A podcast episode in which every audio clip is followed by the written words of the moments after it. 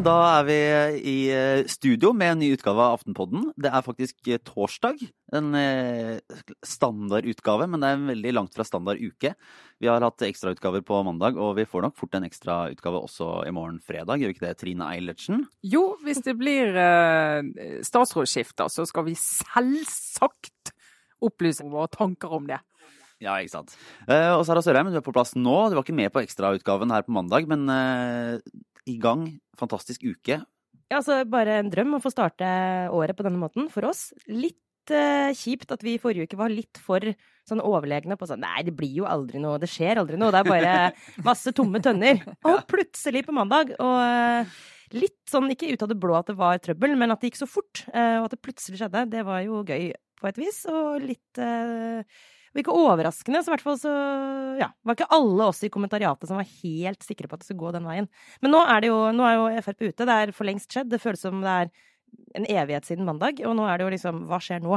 Ja. Eh, hvem kommer inn i regjering? Hva er det store spørsmålet? Så vi skal litt inn på diverse politiske dilemmaer og vanskelige ting, men nå handler jo alt om hvem som skal inn. Det er liksom fantastisk å, å se nå den oppladninga til at hemmelighetene slippes ut. For nå er det så mye spenning, og når vi snakker med politikere, så er de så nervøse. De, de går rundt og lurer på hva som, hva som, skjer. Og en av de tingene som jeg syns er mest eh, gøy i denne lille fasen her, er også sånne Jeg vet ikke om dere har sett, men det er en del lokalaviser som da har sin måte, lokale helt. For hver, hver, kommune og hver fylke og hvert parti har jo sine sånne små ledestjerner. Og da er en sånn favorittøvelse fra lokalaviser er å ringe til sin person, ja. som ofte er en person som resten av landet aldri har hørt om, og så spør jeg om kan du være aktuell til en statsrådpost. Og, det, og da er det så fint, fordi Det er ingen som avviser det? Nei, nei, nei. Som er det beste svaret å gi når du skal si at ja, ja, jeg vil, jeg vil gjerne, er den Jeg har alltid stilt opp når partiet har spurt meg. Som er sånn Det er ingen som kommer til å spørre deg. Men jeg liker jo, det skjer jo ofte nok eh, litt sånne helt uventa og litt sprø ting eh, når man skal utnevne nye statsråder. Det kommer jo innimellom med sånne wildcards. Så det er, sånn det, er sånn, det er, liksom en teoretisk mulighet for at hva som helst kan skje. Eh, samtidig som de fleste klarer jo liksom å se for seg Veldig ofte så har egentlig navnene på en måte kommet ut. En blanding av lekkasjer og rett og slett bare sånn logisk ja. sans. Men så plutselig så dukker det opp en eller annen sånn type Nils Arne Eggen. Det skjedde jo ikke i virkeligheten, da, men, men, det, men, men der Har jo, der har jo Arbeiderpartiet drevet jo med det der eh, Ja, særlig Jagland. Både Jag, Jagland holdt på med veldig mye rart på den fronten der. Eh, men også Stoltenberg hadde noen sånne overraskelser. Men Erna har jo liksom Det er forutsigbart hva skuff hun plukker fra, på en måte. Det er denne hovedskuffen. Det er ikke sånn helt off eh, det du kan forvente, da. Problemet nå er at i den hovedskuffen akkurat nå, så ligger det helt off navn. Men ja, de ligger ja, ja. i hovedskuffen plutselig. Og det er kanskje, for å bruke en slags metafor, det er kanskje statsminister Solbergs største problem akkurat nå. Men jeg må bare si en uh, ting, da. fordi at når disse statsrådene ringer, så kommer det opp på skjermen skjult nummer når de ringer fra departementet.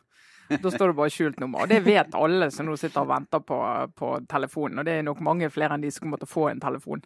Så ringer det skjult nummer, dette vet jeg. Og så tenkte jeg hvis det er ett sted, folkens, dere som venter på telefonen, dere ikke skal gå i dag, så er det ute på kjøkkenavdelingen på Ikea. For der var jeg i går, og da skulle vi få en avtale med en sånn som kunne hjelpe oss å tegne, du vet, på det tegneprogrammet. Ja, det er helt forferdelig. Og så måtte vi vente i kø, og så sa de da, de, da kommer han til å ringe når han er ledig, så du kan bare gå rundt på Ikea og vente på det. Men da kommer det til å stå skjult nummer. Så hvis, hvis, du, hvis, du, er på feil sted, så er det ikke Erna Solberg som ringer, det er altså eh, tegneren på kjøkkenavdelingen på altså, IKEA. Hvis du er, la oss bare, altså, tilfeldig valg, hvis du er Tina Bru eller andre som er sånn helt i, eh, helt reelle kandidat, og det ringer fra skjult nummer nå, og det er IKEA, det tenker jeg sånn det er, det, det, være, det er, den verste, det er den største nedturen. Men det er også veldig gøy, bare å, de som går og venter nå, at uh, noen vet uh, veldig mye. De snakker veldig litt, da. Ja, de fleste vet ingenting. Men det er kunsten nå, når vi uh, ringer rundt uh, til kilder, eller prøver å få ut ting, er jo for, for disse kildene å liksom se ut som de vet veldig mye, men dessverre ikke kan si noe. Og kanskje én ja. av ti så er det liksom helt riktig, og de andre de bare er helt lost, akkurat ja. som oss. Jeg hørte i Høyre nå, så drev de faktisk De drev og ringte hverandre på tull, da, med skjult nummer til forskjellige, og hører denne stemmen som sier sånn Ja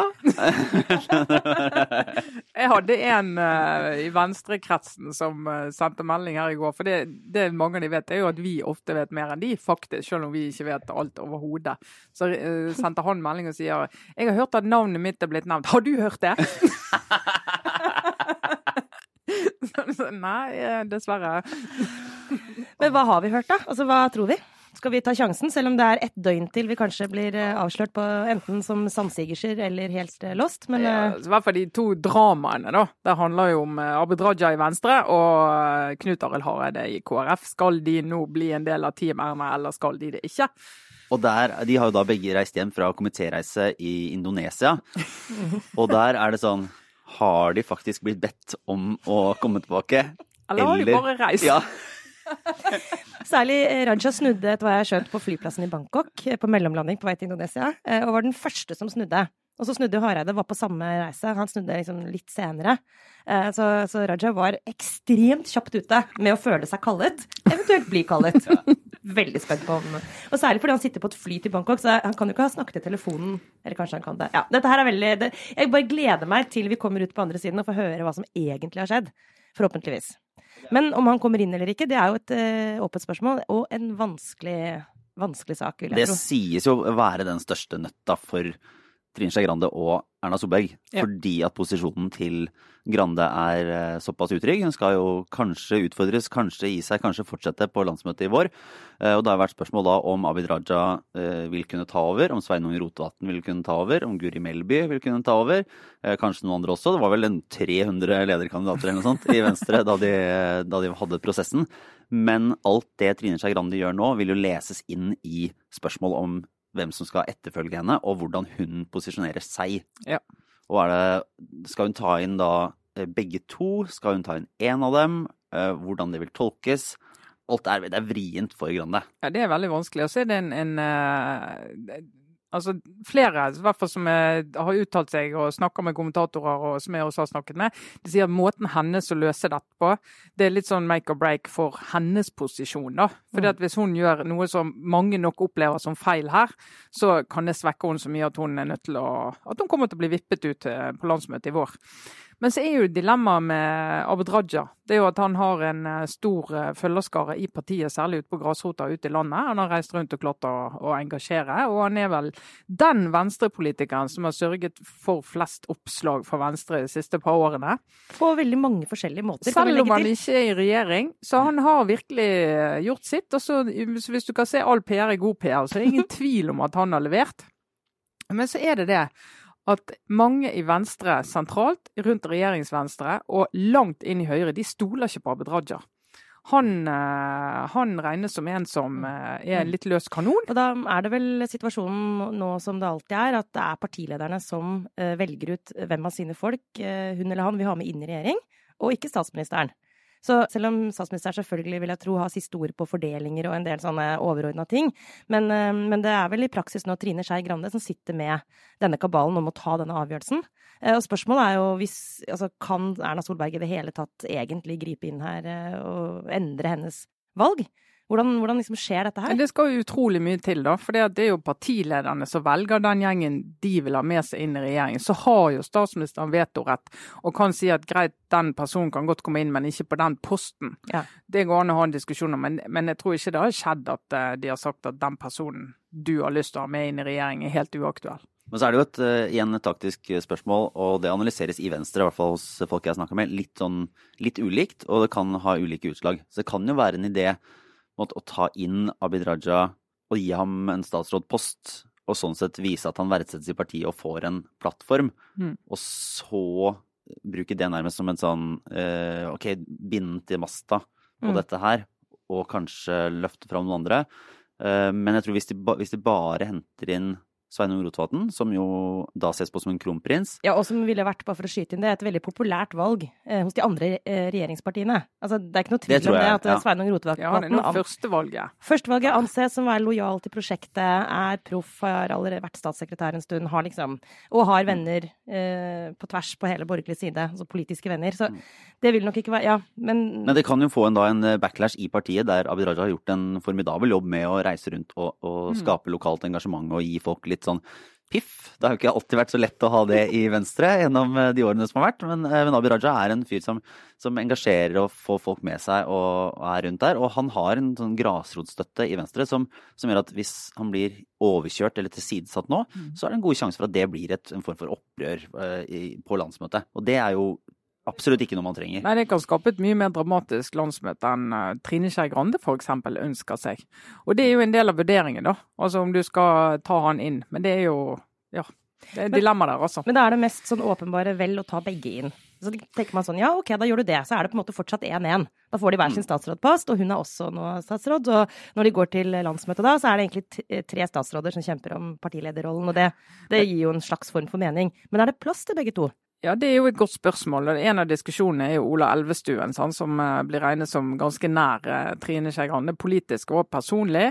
Eh, men som jeg vil mene er en klima- og miljøminister som kommer fra et parti som har det som en av sine hovedsaker, men som ikke klarer å treffe flere enn akkurat sine egne i sitt eget parti. Han mm. har ikke greid å gjøre dette til en svær sak der Venstre viser at de klarer å markere seg. For han klarer ikke å kommunisere til flere enn sine egne. Så hvis Venstre er nødt til å tenke, altså de er nødt til å tenke veldig kynisk på det, hvis de fortsatt skal ha den posten her, så må de ha en person som er mye flinkere til å få ut at Venstre er et klimaparti, så sitter med den posten i den regjeringen. Det er jo foreløpig ikke avklart, men det regnes litt som en etablert sannhet at Erna Solberg kommer til å kutte antall antall statsråder. Ja. At, Bør eh, jo absolutt gjøre det. altså, bedre. Altså den såkalte liksom, antibyråkratiregjeringen, eller i hvert fall skal de gikk ja, altså, Eldreminister og ja, samfunnssikkerhetsminister, det er jo sånt du har bare for at det skal gå opp. Ja, og det, må det, det går liksom Jeg skjønner, det er ingen mening i det. Det var litt flaut for Solberg å ha, hva er det, 22 statsråder? Ja, noe sånt. Ja, Når du på en måte skal fremstå som en som slanker offentlig byråkrati. Så det um... Så det er ikke naturlig at FR, altså de eh, syv Frp-statsrådene blir erstattet av syv nye statsråder? Da, da, da er det fordi at de, de, er helt umulige for de å bli enige om hvem som skal inn, og de må ta inn alle de har lyst på. Det er jo, det er jo et nederlag. Ja, så er det fristende, da, for det er jo bare det er et halvannet år igjen til uh, til valget, og det er, ikke så, det er ikke så sannsynlig at alle får en sjanse til å være statsråd igjen. Så nå er det bare Nei, det, alle skal få. Alle skal få. Ja, hvorfor ikke bare helle på. Men ja. så er det jo KrF og Knut Arild Hareide, da. Ja. Eh, og det er, jo, det er jo veldig vittig når du snakker med folk. Tidligere uke snakket jeg med et par stykker om uh, Knut Arild Hareide, og det, de var så skråsikre. Det var sånn Nei, kommer ikke til å skje. Jeg kjenner han. Han kommer ikke til å ville dette. Helt sikkert ikke. Han har ingen tro på det prosjektet, og ingen tro på Ropstad. Det var liksom ikke måte på. Så kommer det ut i uken, så er det sånn det, det, skjer noe med folk når du får tilbud om en statsrådspost. Mm. Jeg tror Hvis du har jobbet med politikk hele livet, så mm. skal det svært mye til at du takker nei til det. Vi diskuterte også med noen uh, denne uka. Uh, en ting er nå på en måte ja eller nei til statsrådposten, men noe annet er også sånn uh, Hva er alternativene akkurat nå? Så for de som har stortingsplass, så er det jo klart at fram til 2021 så er det, er det jobben. Men, men, livet etter det Så Det er jo ikke så utrolig mange steder å gå heller for en Hareide, for eksempel. Hareide har permisjon fra Skipsted, han. Ja, det er sant. Da kan bli sjefen din, Trine. Kommer tilbake til verdens beste arbeidsplass. Ja. Det, det, kan han ikke akkurat nå, men, eh, men eh, han kan komme tilbake til Schibsted hvis han vil det. Men, i hvert fall, men poenget er jo at én eh, ting er jo at KrF kan gjøre en sånn vurdering. Ok, Han sa nei til det forrige prosjektet, for der var Frp med. Som er en sånn nøktern greie, men nå er de ikke med. Og dette var det regjeringsalternativet han gikk med på, så det kan, må jo være en no-brainer å være med på det. Men så har det blitt sagt så mye og blitt gjort så mye, og i det siste året som gjør at det er en del i KrF som ikke syns det er så lett likevel. Og så er det andre som mener på begge sider eh, som mener at ja, men det er akkurat det som skal til for at vi klarer å lege noen sår, klarer å samle partiet og vise at nå er det et samlet KrF som sitter i den regjeringen som var førstevalget vårt i utgangspunktet. Ja, for det, dette var jo det Hareide ville ha, det var det han gikk til valg på ja. eh, i, i, 2017 og sa at det ville være den optimale løsningen. Og så er det jo En skal ikke undervurdere KrF sin evne og vilje til å tilgi, da. Det er jo et litt sånn eh, altså, det, De er, veldig flinke til å tilgi. Det jeg lurer på, er jo Erna Solberg og Høyres ja. evne til å tilgi. For hvis det er noen som var forbanna på Hareide siste året, mer forbanna enn de i KrF, så er det jo Høyre-folk. Ja. De har vært helt rasende på den boken han kom med høsten 2018, og det han skrev, og karakteristikken av Høyre, da. Men det aller, aller beste nå, det er altså Emil André Erstad, rådgiver ja, Meldtes ut en uke før!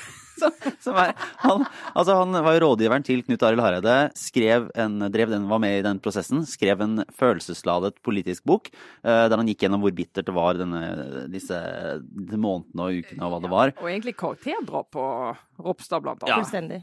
Og så gikk han da til slutt her for et par uker siden, så var det på en måte slutt. Jeg tok den derre Nå melder jeg meg ut av KrF etter lang og, og så rett etter!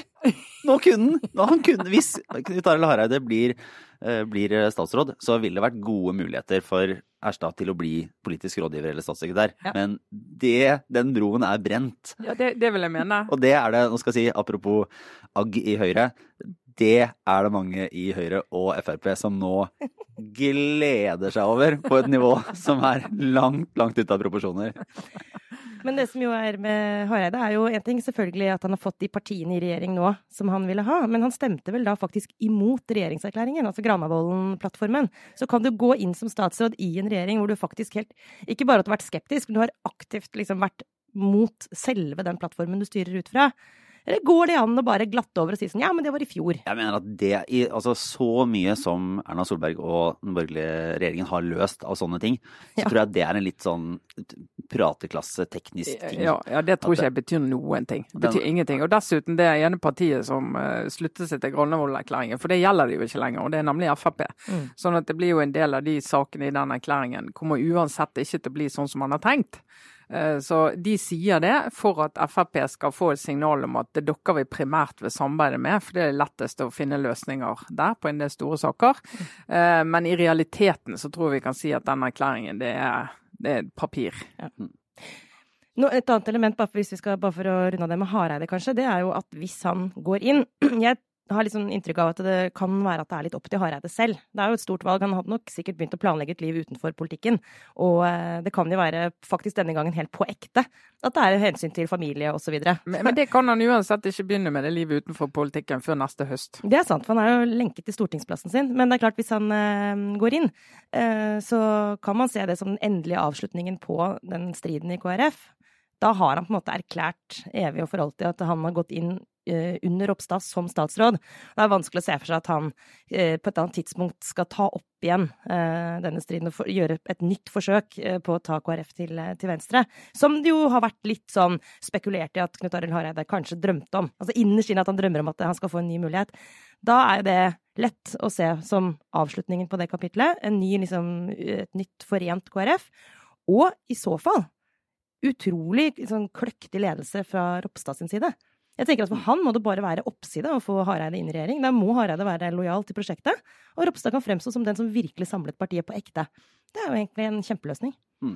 Men så vil jeg si, det er ikke, uh, Abid Raja eh, sin hjemreise er nå én ting, men hvis Knut Arild Hareide faktisk ikke er bedt om å komme inn, ikke skal inn i regjering, så vil jeg si at da er det på grensa til smålig å reise tilbake og ta alt det dramaet og all den oppmerksomheten. For nå klarer jo både KrF og Venstre å gjøre på en måte det som kan være en sånn ny politisk begynnelse. eh, En tid for å, å stake ut en kurs, si at ok, nå skal vi få fram noen saker, dette blir viktigst for oss. Eh, Nå blir det en sånn her personstrid, og man liksom pirker inn og peker på alt det som er vanskeligst for de partiene. da. Mm. Så hvis det var sånn at eh, Ja, jeg forutsetter at Knut Arild Hareide ikke gjør det her på kødd. At hvis han blir spurt, så sier han ja. Ja. Men vi kan fortsette med litt Granavolden, da. For det var jo det er jo en interessant eh, konstruksjon, det de nå har blitt enige om. Nemlig at regjeringen fortsetter med en regjeringsplattform for fire partier, selv om de bare er tre partier. Ja. Og som noen i Frp sa til meg i går, så var det sånn Granavolden er bare Den er brent, liksom. Det, er, det har ingen, ingenting å si. Det er sikkert et litt spinn i det og, og et ønske om å distansere seg, men det er en litt rar konsentrasjon å fortsette med. Ja, det er det. Altså Fordelen, hvis du skal se det fra eh, regjeringspartienes side, er at de For det er jo ikke bare Frp som har forhandlet enigheter inni der. De tre andre òg har jo forhandlet frem noen enigheter så de sikkert ikke har lyst til å restarte nå og begynne å snakke om. Så de sier ok, en del av den plattformen gjelder uansett, for det er enigheter mellom oss tre. Eh, Men så er det jo de der eh, Mange av de vanskeligste tingene. Handler om klima, handler om immigrasjon der er jo ikke den viktigste enighetspartneren er jo ikke der lenger, og har signalisert at nå kjører vi på vårt eget program. Sånn at den delen av erklæringen gjelder ikke. Men det som jeg også hørte fra, fra noen i Frp-systemet, og som har vært en måte, lojale til regjeringsprosjektet, er jo at de nederlagene som eventuelt måtte komme som følge av at regjeringen velger bort Frp, er typisk på saker som får promotert FrPs standpunkter. Ja. Altså det er litt sånn, Hvis de kan si si, at- eh, stå og si at eh, ja, nå blir deler av bompengeforliket eh, endra, Så, eller bilavgiftene settes opp, Mm. så er det ikke sånn at det nødvendigvis er negativt for Fremskrittspartiet når de nå har bestemt seg for å samle støtte og konsolidere foran stortingsvalget. De kan jo få oppmerksomhet på hva de har hatt lyst til å gjennomføre, og hva som ville vært en Frp-seier hvis de hadde fortsatt. Og, og kan si sånn, ja, er det rart vi måtte ut av dette? Vi, vi kan, dette, denne politikken denne regjeringen står for, kan ikke vi forsvare. Mm. Eh, men, men, men, en, men Lars, det er jo for å underbygge liksom, alenegangen, da. Ja, Altså, ja, ja? Og det er jo en sånn, det er veldig interessant. Altså, de i Frp som nå er ja, For å si det litt enkelt, da. Liksom Listhaug Frp, eller The Real Frp, eller hva du skal kalle det for noe. Tror jeg nok ser på dette som akkurat som du beskriver det. Som en mulighet til å få markert seg. Og få markert avstanden til regjeringen. Men for regjerings-Frp så, så er jo dette ikke en ønsket eh, retning for partiet. Siv Jensen var ute senest i går vel og var veldig tydelig på at hun ønsker seg et forutsigbart, samarbeidsvillig Frp på Stortinget, som har eh, erklært høyt og tydelig at de støtter denne regjeringen. Eh, og det virker på henne som hun har et reelt og genuint ønske om å fortsette den gode relasjonen til Erna Solberg utenfor regjering. Så her er det jo en helt reell spenning. Altså dette kommer Ja. til å bli en, en konfliktlinje i partiet. Ja, og så er det, det er jo en balanse for Frp òg. For det er klart at hvis de skulle helt rendyrke denne vi tar avstand fra regjeringen, så vil det jo hele tiden bli spurt fra opposisjonen. Ja, men hvis dere, hvis dere er så misfornøyd med at bompengepolitikken endrer seg, burde ikke dere bare sittet i regjering da? Dere hadde jo muligheten. Dere har jo frivillig gitt fra dere muligheten til å påvirke det området, og så skal nå sitte på utsiden og skrike. Mm. Eh, når dere har vært de som har lagd disse samferdselsbudsjettene i år etter år som gjør at vi er nødt til å øke bompengebelastningen så mye som vi må. Sånn at det er jo en balanse på troverdigheten, men samtidig er det ikke alltid velgerne eh, klarer å tenke å ja, vi har seks samferdselsbudsjetter bak her, og Mm. eh, de har også ansvar for det. Og så er det jo noe med det, da. tenker jeg Hvis du er et såkalt styringsparti som Høyre og Arbeiderpartiet, som er liksom tung, det, det tunge partiet inni disse her konstellasjonene. Det må, jeg tror ikke de tenker mye på det, men jeg hadde tenkt på det og tenkt herlighet så lett det er å være liksom Nei, nå ble det vanskelig, nå bare går vi. For det kan jo aldri de gjøre, Nei. sant. Så liksom å, vi har lyst på større oppslutning til valget. Vi bare går. Altså, Det er jo liksom helt sånn der ekteskap. Vi har litt gøy på ja, litt sånn jobben. ekteskap, vi er ikke, og er ikke forelsket lenger. Og det er mulig vi har eh, flere unger sammen, men vet du hva? Jeg må realisere meg sjøl. Hæ? Og så skal du sitte der og Ja, men OK, nå må jo faktisk eh, ta vare på disse ungene og sørge for at de har matpakke og kommer seg på skole og blir hentet på AKS og sånn. Jeg får ta det, jeg. Altså. Det er litt sånn Men det er jo veldig gøy. Jeg må på klatrekurs, for jeg er nødt til å realisere meg sjøl. Men for Arbeiderpartiet nå, det er jo, dette her er jo egentlig også for opposisjonen, og særlig, særlig akkurat Arbeiderpartiet, på grunn av det du beskriver nå, eh, litt sånn vanskelig. Fordi på den ene side så er det jo fordel for Arbeiderpartiet at Frp går i liksom eh, litt sånn den ekstreme retningen. Da kan de med rette nok en gang hevde at det er kaos på borgerlig side. Det kommer vi til å høre Støre si en silliard ganger fram til eh, høsten 2021. Og da vil jo det faktisk være i nærheten av sant. Så det er jo bra for Arbeiderpartiet sånn sett. Kanskje dårlig for landet, liksom. Bra for Arbeiderpartiet. Eh, Men så er jo problemet, hvis Frp eh, faktisk lykkes for godt med den litt sånn populist-polariseringslinja, eh, og lykkes så godt at de faktisk vinner tilbake en god del velgere fra Senterpartiet, som jo kjører litt uten sammenligning for øvrig, men det er jo liksom, de kjemper jo litt i den samme, i det samme badekaret, eller hvilken metafor man skal bruke. Da er det problem for Arbeiderpartiet igjen, for da kan jo faktisk flertallet muligens ryke. Så liksom, hva Altså for Ap så er det sånn, de må på en måte finne en helt rette De må være litt eh, populistiske, men kanskje ikke for mye. Ja, og det var eh, i, eh, i Frp så var det nå sagt at de, altså, sentrumspartiene bryr de seg ikke om, da. I, i, om man skal spille sånn, om man skal være snill eller slem, eller hvordan man skal være i regjering, så er det sånn sentrumspartiene I hvert fall en øyeblikksbeskrivelse var det sånn de, de driter vi. Ja. De, de kan vi bare For de vil ikke regjering med uansett. Mm. Sånn at 2021-2025 så er det Altså dette kan jo endre seg selvfølgelig, og det er en, det er en eh, beskrivelse fra, fra enkeltpersoner, men jeg tror det, det ligger noe der at da er det ikke så aktuelt å gå inn i regjering med alle de tre andre partiene. Ikke Det vil man ikke. Da vil man tilbake til Bare Høyre. Høyre, eventuelt om det er en mindretallsregjering. Sånn at det, uh, man kan godt få Venstre og KrF forbanna hele veien, det gjør ikke noe. Og så må man finne en måte å stjele litt velgere fra Høyre uten at det forholdet blir for surt. Fordi Ja. Frp kan, eh, har aldri vært stort, eller kan aldri bli store uten å ta en del velgere fra også fra Høyre. Mm. Og den konflikten blir jo interessant å se. Og der eh, er det sikkert delte meninger også i partiet på hvor hardt man skal gå, da. Og Ja. Siv Jensen virker jo å være veldig forsonende overfor Erna Solberg. Ja, og det er først og fremst Senterpartiet de skal hente tilbake en del av velgerne de har mistet der. sant? Ja, og der var det jo veldig gøy å se eh, her på onsdag, var det vel at den ble lagt ut fra Sylvi Listhaug. Nå bare å sitte der og så lade kanonene og la ut på Facebook, eh, som man gjør. Eh, denne statusoppdateringen som var den der Senterpartiet har vært en dårlig kopi av Frp. Endelig er originalen tilbake. Så er bare shots fired. Her er det Ja, og det er jo en vurdering hvor, eh, hvor eh, lett det kan bli for Trygve Slagsvold Vedum å Mhm. møte Sylvi Listhaug til debatt. Og hun har jo en debatteknikk som eh, er utrolig effektiv når det gjelder å i, i, altså sette motstanderne ut i et sånn veldig vanskelig rom der de ikke helt klarer å gripe henne. Hun er egentlig nesten umulig å debattere med. og Det er flere grunner til. Det ene er jo at hun hører jo overhodet ikke på hva de sier. så, så hun bare fortsetter med sitt og er helt, helt døv når hun sitter i et studio og debatterer. og, og så har hun en sånn stil som gjør at jeg tror den eh, litt sånn lattermilde stilen til Trygve Slagsvold Vedum, den, den kommer ikke til å funke Det der. er for at hun er jo Unnskyld, altså, men helt reelt, altså, hun er utrolig irriterende.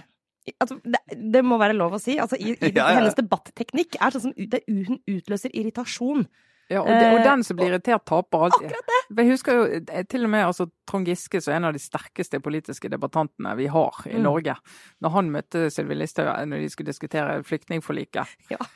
Det, er første gang jeg liksom hørte han miste det litt. Sånn, bare fikk det ikke til. Men jeg snakka med en dreven eh, høyrepolitiker, og eh, hun sa, og det tror jeg, funkt, jeg tror hun har helt rett i, at eh, når det gjaldt Trond Giske, så det eneste som funka, mente hun, i debatt mot han, det var å være helt nøktern faktabasert. Helt rolig. Bare ikke ta noen av de eh, ballene som kommer. Ikke ha noen følelser, egentlig. Bare, bare sitt der og konsentrer deg sånn dypt inderlig om å bare komme frem med de faktaene du sitter på i saken, som du mener at er relevant. Eh, Og hvis du klarte det, så var det en sjanse i havet til å vinne en diskusjon eh, eller debatt med Giske. Det var, men ellers var det helt sjanseløst. Og det tror jeg faktisk også kan funke på når det gjelder Listhaug, for de har litt den samme måten å debattere på. Problemet til Trygve Slagsvold Vedum er at det er ikke hans sterke Nei, det, det er ikke hans sterke side, det må vi kunne si. Å se for seg at slags Slagsvold Vedum nå skal være sånn Nå skal jeg være nøktern, faktabasert. seriøs. Nå skal jeg gå inn i statistikken for flyttemønstre de siste 15 årene. Ja, det blir interessant. Men det som er interessant, det var interessant å merke seg Nå sa jeg det fire ganger på en setning, hørte jeg. Men du sa ikke krevende, så det er jo på en måte you win some, you lose Det some. er sånn det er. Så eh, det er jo Arbeiderpartiet oppi det her. For det er klart eh, Senterpartiet vet hva de har å gjøre. De har en fin eh, hovedmotstander. Og sånn, de skal kjempe om velgere mot Frp. Mm. Og mot MDG, selvfølgelig. Og det skal også Frp gjøre. Så disse her tre kommer til å ha fest. Og så er det Arbeiderpartiet uti her, da. For nå kommer det en del saker der Arbeiderpartiets standpunkt kommer til å bli etterlyst i en helt annen grad. Og så skal, skal Arbeiderpartiet nå være de som går inn og på en måte ikke redder regjeringen, men redder saken. Og så har de akkurat sagt at nå blir det ikke flere forlik, og nå er det slutt på det, og nå skal vi reindyrke. sant? Men sånn i substansen på en del saker, og den utenlandskabelsaken er en av de som er, kan fremstå som lett. Er litt sånn nei-ja-opplegg, men det er ikke lett. For det er mange i Arbeiderpartiet også som mener at der burde partiet være med på å få gjennomført det. Bare, Bare, kjapt. Dra gjennom den, ja. Utenlandskabelsaken, altså det er NorthConnect. NorthConnect, Ja, ja. Den er Som- kabel mm. som skal bygges eh, til Skottland, hvor man skal frakte eh, altså Norsk, Norsk ren ren kraft, kraft, ja. elektrisitet, egentlig. Som man kan lage elektrisitet av, og som er en eh, stor konflikt. Det første Frp sa da de gikk ut av regjering, den skal vi eh, stoppe. Eh, og Senterpartiet selvfølgelig skal stoppe den, og egentlig alle opposisjonspartiene. Og til og med Arbeiderpartiet. og der er de, Espen Barth Eide mente jo ikke det, men nå mener partiet det. Så det har vært litt sånn uklart hvor Arbeiderpartiet har vært hen i den saken. Men det kan være de som nå er nødt til å ha en virkelig sånn hva mener vi med å stoppe den kabelen? Eh, hva er det som skal til for at den skal bygges? For andre igjen sier jo, og det er også langt inne i Arbeiderpartiet, så sier vi klarer ikke noe ny industrireisning grønn industrireisning uten at vi har denne kraftutvekslingsmuligheten. Mens andre sier men dagens industri kommer til å rakne hvis vi skal leve med økte strømpriser, eh, som er en konsekvens av disse, denne Ja, hvorfor det? For jeg skjønner ikke hva er på en måte hovedargumentet mot nettopp den eksporteringen? Der? Hovedargumentet er at eh, strømprisene kan gå opp. Riktignok marginalt for nordmenn, men for næringslivet så er jo selv marginale kostnader betyr mye, fordi det blir mange, mange ganger det marginale. da. Og det har vært en fordel for norsk industri at de har hatt eh, rabattert strøm i praksis. Fordi at eh, tanken er at vi skal selge fri utveksling av eh, kraft til Europa. Sånn Ja, vi har det et driver vi jo med med Ja. allerede, men enda mer, da. Mens for kraftnæringen, altså for eh, Så er det De ønsker det De ønsker det. Ja, de ønsker det, de kan tjene penger på det. Mange av kommunene ønsker det, for de eier jo kraftselskaper. Da kan de ta utbytte. Sånn at dette her er ikke noe sånn der veldig enkel sak, selv ikke for Senterpartiet. Det hørte du kanskje noen på Politisk kvarter i dag. Masse Senterpartiordførere som ønsker at denne skal bygges, for da kan kommunen deres som eier kraftselskap tjene penger på det. Men Senterpartiet sentralt sier at mulig det. Interessant innspill, men nasjonalt så er ikke det interessant. Som jo er gøy når du tenker på hvordan Senterpartiet ellers er veldig opptatt av lokalt selvstyre. og lokale som... vurderinger. Men da blir det her nok en sånn sak hvor, hvor det egentlig er liksom Industriarbeiderpartiet mot hva skal vi kalle det for noe? Miljøarbeiderpartiet, for å si det litt sånn forenkla. Ja, ja, altså ja. Det, er, det, er, spennende. Og hele den elektrifiseringen og vindkraftsatsingen i Nordsjøen handler jo også om disse kablene sant, til slutt. Men, men er det ikke fair at Arbeiderpartiet som andre partier sier eh, nei takk, vi vil ikke dette her? Selv om det har vært uenighet internt før de sier det? Jo, det kan godt, jo da, og det gjør de jo. De sier vi vil ikke ha den sånn som den er nå. Akkurat nå er det ikke politisk flertall for en sånn eh, kabel. Eh, men de kan også komme i en situasjon der det faktisk i Arbeiderpartiet og en del Arbeiderparti-velgere får en sånn Men er det her Arbeiderpartiet skal ligge? Og gå så hardt ut før konsesjonene liksom eh, ferdigbehandlet og jobbe på den måten der. Men du kan få en del saker der Arbeiderpartiet kommer i en liten skvis. Og det som er interessant, det var jo, altså Når Støre sier at nå får vi Frp på utsiden og får et sånn rabiat, eh, misfornøyd, sutrete høyrepopulistisk parti som skal prøve å samarbeide med regjeringen, så kommer vi til å få mer høyrepopulistisk politikk fordi at de er på utsiden. Og så har han sagt i seks og et halvt år at det at Erna Solberg har tatt eh, partiet inn på innsiden, det er det som har gjort at vi har fått en høyrepopulistisk politikk. Mm. Sånn at han snakker jo mot seg selv. Og så støtter han egentlig Erna Solberg sitt argument for å ha Frp på innsiden, nemlig at de ikke skal være helt rabiat der ute og, mm. og dra politikken enda lenger til høyre. da. For hun, i, i, Høyre har jo vurderingen vært at det er bedre å ha de på innsiden enn å ha de på utsiden. Støre har generelt ikke vært så veldig heldig med sine kommentarer denne uka. Altså Det er bare rett og slett det, han hans måte å kommentere på passer ikke så godt i sånne heftige nyhetsdøgn, hvor døgn på rad, kanskje heftige nyhetsuker, hvor ting er veldig polarisert og konfliktfylt, og han skal liksom komme med sånne kjappe utspill. Både når det gjelder akkurat det der, med, med mer høyre populistisk politikk. Det ga bare ikke mening, syns jeg. Det var en merkelig, og også er litt så selvmotsigende. Og, og, selvfølgelig også de uttalelsene han har hatt rundt eh, denne gutten som ble hentet ut, og hans helsetilstand. Og Støre også har sagt at han liksom, har vært litt sånn tøff og skulle kreve svar. Jeg skal kanskje ikke snakke om den saken nå, Lars, men, men det er bare sånn, det er utrolig rart at han ikke klarer å treffe bedre akkurat eh, på disse sakene hvor han får rom og plass, og hele nasjonen hører på, og så kommer det en sånn litt sånn umusikalsk eller sånn halvveis snublende kommentar. Men ja. av, og til, eh, av, og til, det kan bli litt sånn i overkant analytisk. Som tar litt sånn avstand. Så nå skal vi se hvordan dette kan påvirke. Uh, og så kan det jo være på en måte Du kan jo godt ha et, en diskusjon om hva som gir mer eller mindre høyre altså, ja, høyre blir, uh, populistisk politikk, men det er, sånn, det er, kanskje ikke det som er primærmeldinga. Uh, nei, nei, den første kommentaren det må, det må, jo liksom være mer sånn praktisk enn det. Sant? Hvordan skal vi bruke dette rommet her? Nettopp. Hva gjør vi nå? Ja, hvordan, nå må vi lag, finne flertall på Stortinget for Arbeiderpartiets politikk. Det er jo det som må være det du sier når du plutselig har fått mindretallsregjering. Mm, ikke begynne med sånn, sånn, type mellomfag i filosofiaktig eller politisk ja, nei, altså det, nei, han må liksom bare få noen sånne gode gamle soundbites som å øve på. ja, men det var, jo, det var, jo, sånn som den han hadde eh, i spørsmålet, altså i debatten eh, på NRK om spørsmålet om denne altså, syke gutten altså, som er henta hjem i, sammen med IS-kvinnen. Og så der, der han fått liksom, plutselig vada inn i spørsmålet om eh, hvorvidt denne gutten er syk eller angivelig syk. Og så skjønner ikke folk helt hvor han kommer fra, og så har jo debatten blitt sånn som at Jonas Gahr Støre stiller seg på FrPs side i å stille spørsmål ved om gutten faktisk er syk. Ja. Og det, jo, det, virker også sånn logisk og parti, liksom strategisk helt uh, fjernt. Men uh, jeg snakka med noen i Arbeiderpartiet som mente at nei, det er egentlig hans bare hans analyse på sånn Dette må kunne avklares. Han brukte bare sin sånn- undringskompetanse ja, på å ja. tenke litt høyt. Men, ja, men det er litt sånn timingen for da har jo nettopp Trygve Slagsvold Vedum, regjeringens aller sterkeste og tøffeste kritiker, stått og sagt at her stoler jeg på at regjeringen har gjort en vurdering med utgangspunkt i den informasjonen som var mulig å få, så dette har jeg ikke tenkt å problematisere. Og da, da, er, da er det litt sånn parterapi. Da legger vi den ballen død. Men det var vel erkjent i Arbeiderpartiet at det var ikke noe strategisk eh, kommentar, det var en slags øyeblikksgreie som, som plutselig tok over. Så er det skal vi ha en eh, liten obligatorisk refleksjon, eller er du egentlig så på Jeg må gå. Ja. ja da... jeg, jeg, har, jeg, har en annen. Da tror jeg egentlig det er en, Jeg har et eh, godt, men ubekreftet rykte som vi kan runde av med. Og så kommer vi vel fort tilbake med, med, mer i morgen. Nå sitter jo alle disse statsrådene som har kjørt rundt i sort bil i nå må de begynne å ordne seg sjøl. Nå er det plutselig buss og trikk og, og, og alt mulig rart. Så nå uh, skal også Siv Jensen kjøpe seg en bil. Og så gjenstår det å se om uh, hun da benytter seg av avgiftsfritakene uh, på elbil. Eh, Ja. Sånn som også Sylvi Listhaug har gjort. For Sylvi Listhaug har jo en Hun har jo mange biler. Hun har mange biler, men hun har også en elbil. Ja, fordi at da får hun kjøre gratis i kollektivfeltet. Ja, som, Men en ja. eh, dieselbil vil jeg tro, som hun kan ha når hun skal bli tatt bilde av. ja. For å ikke fornærme kjernevelgerne. Det er bra. Nettopp. Ja, nei, men eh, vi er vel snart tilbake for en herlig, dramatisk politisk uke. Eh, takk, takk, Trine Eilertsen, Sara Sørheim, jeg er Lars Glomnes. Ha det bra!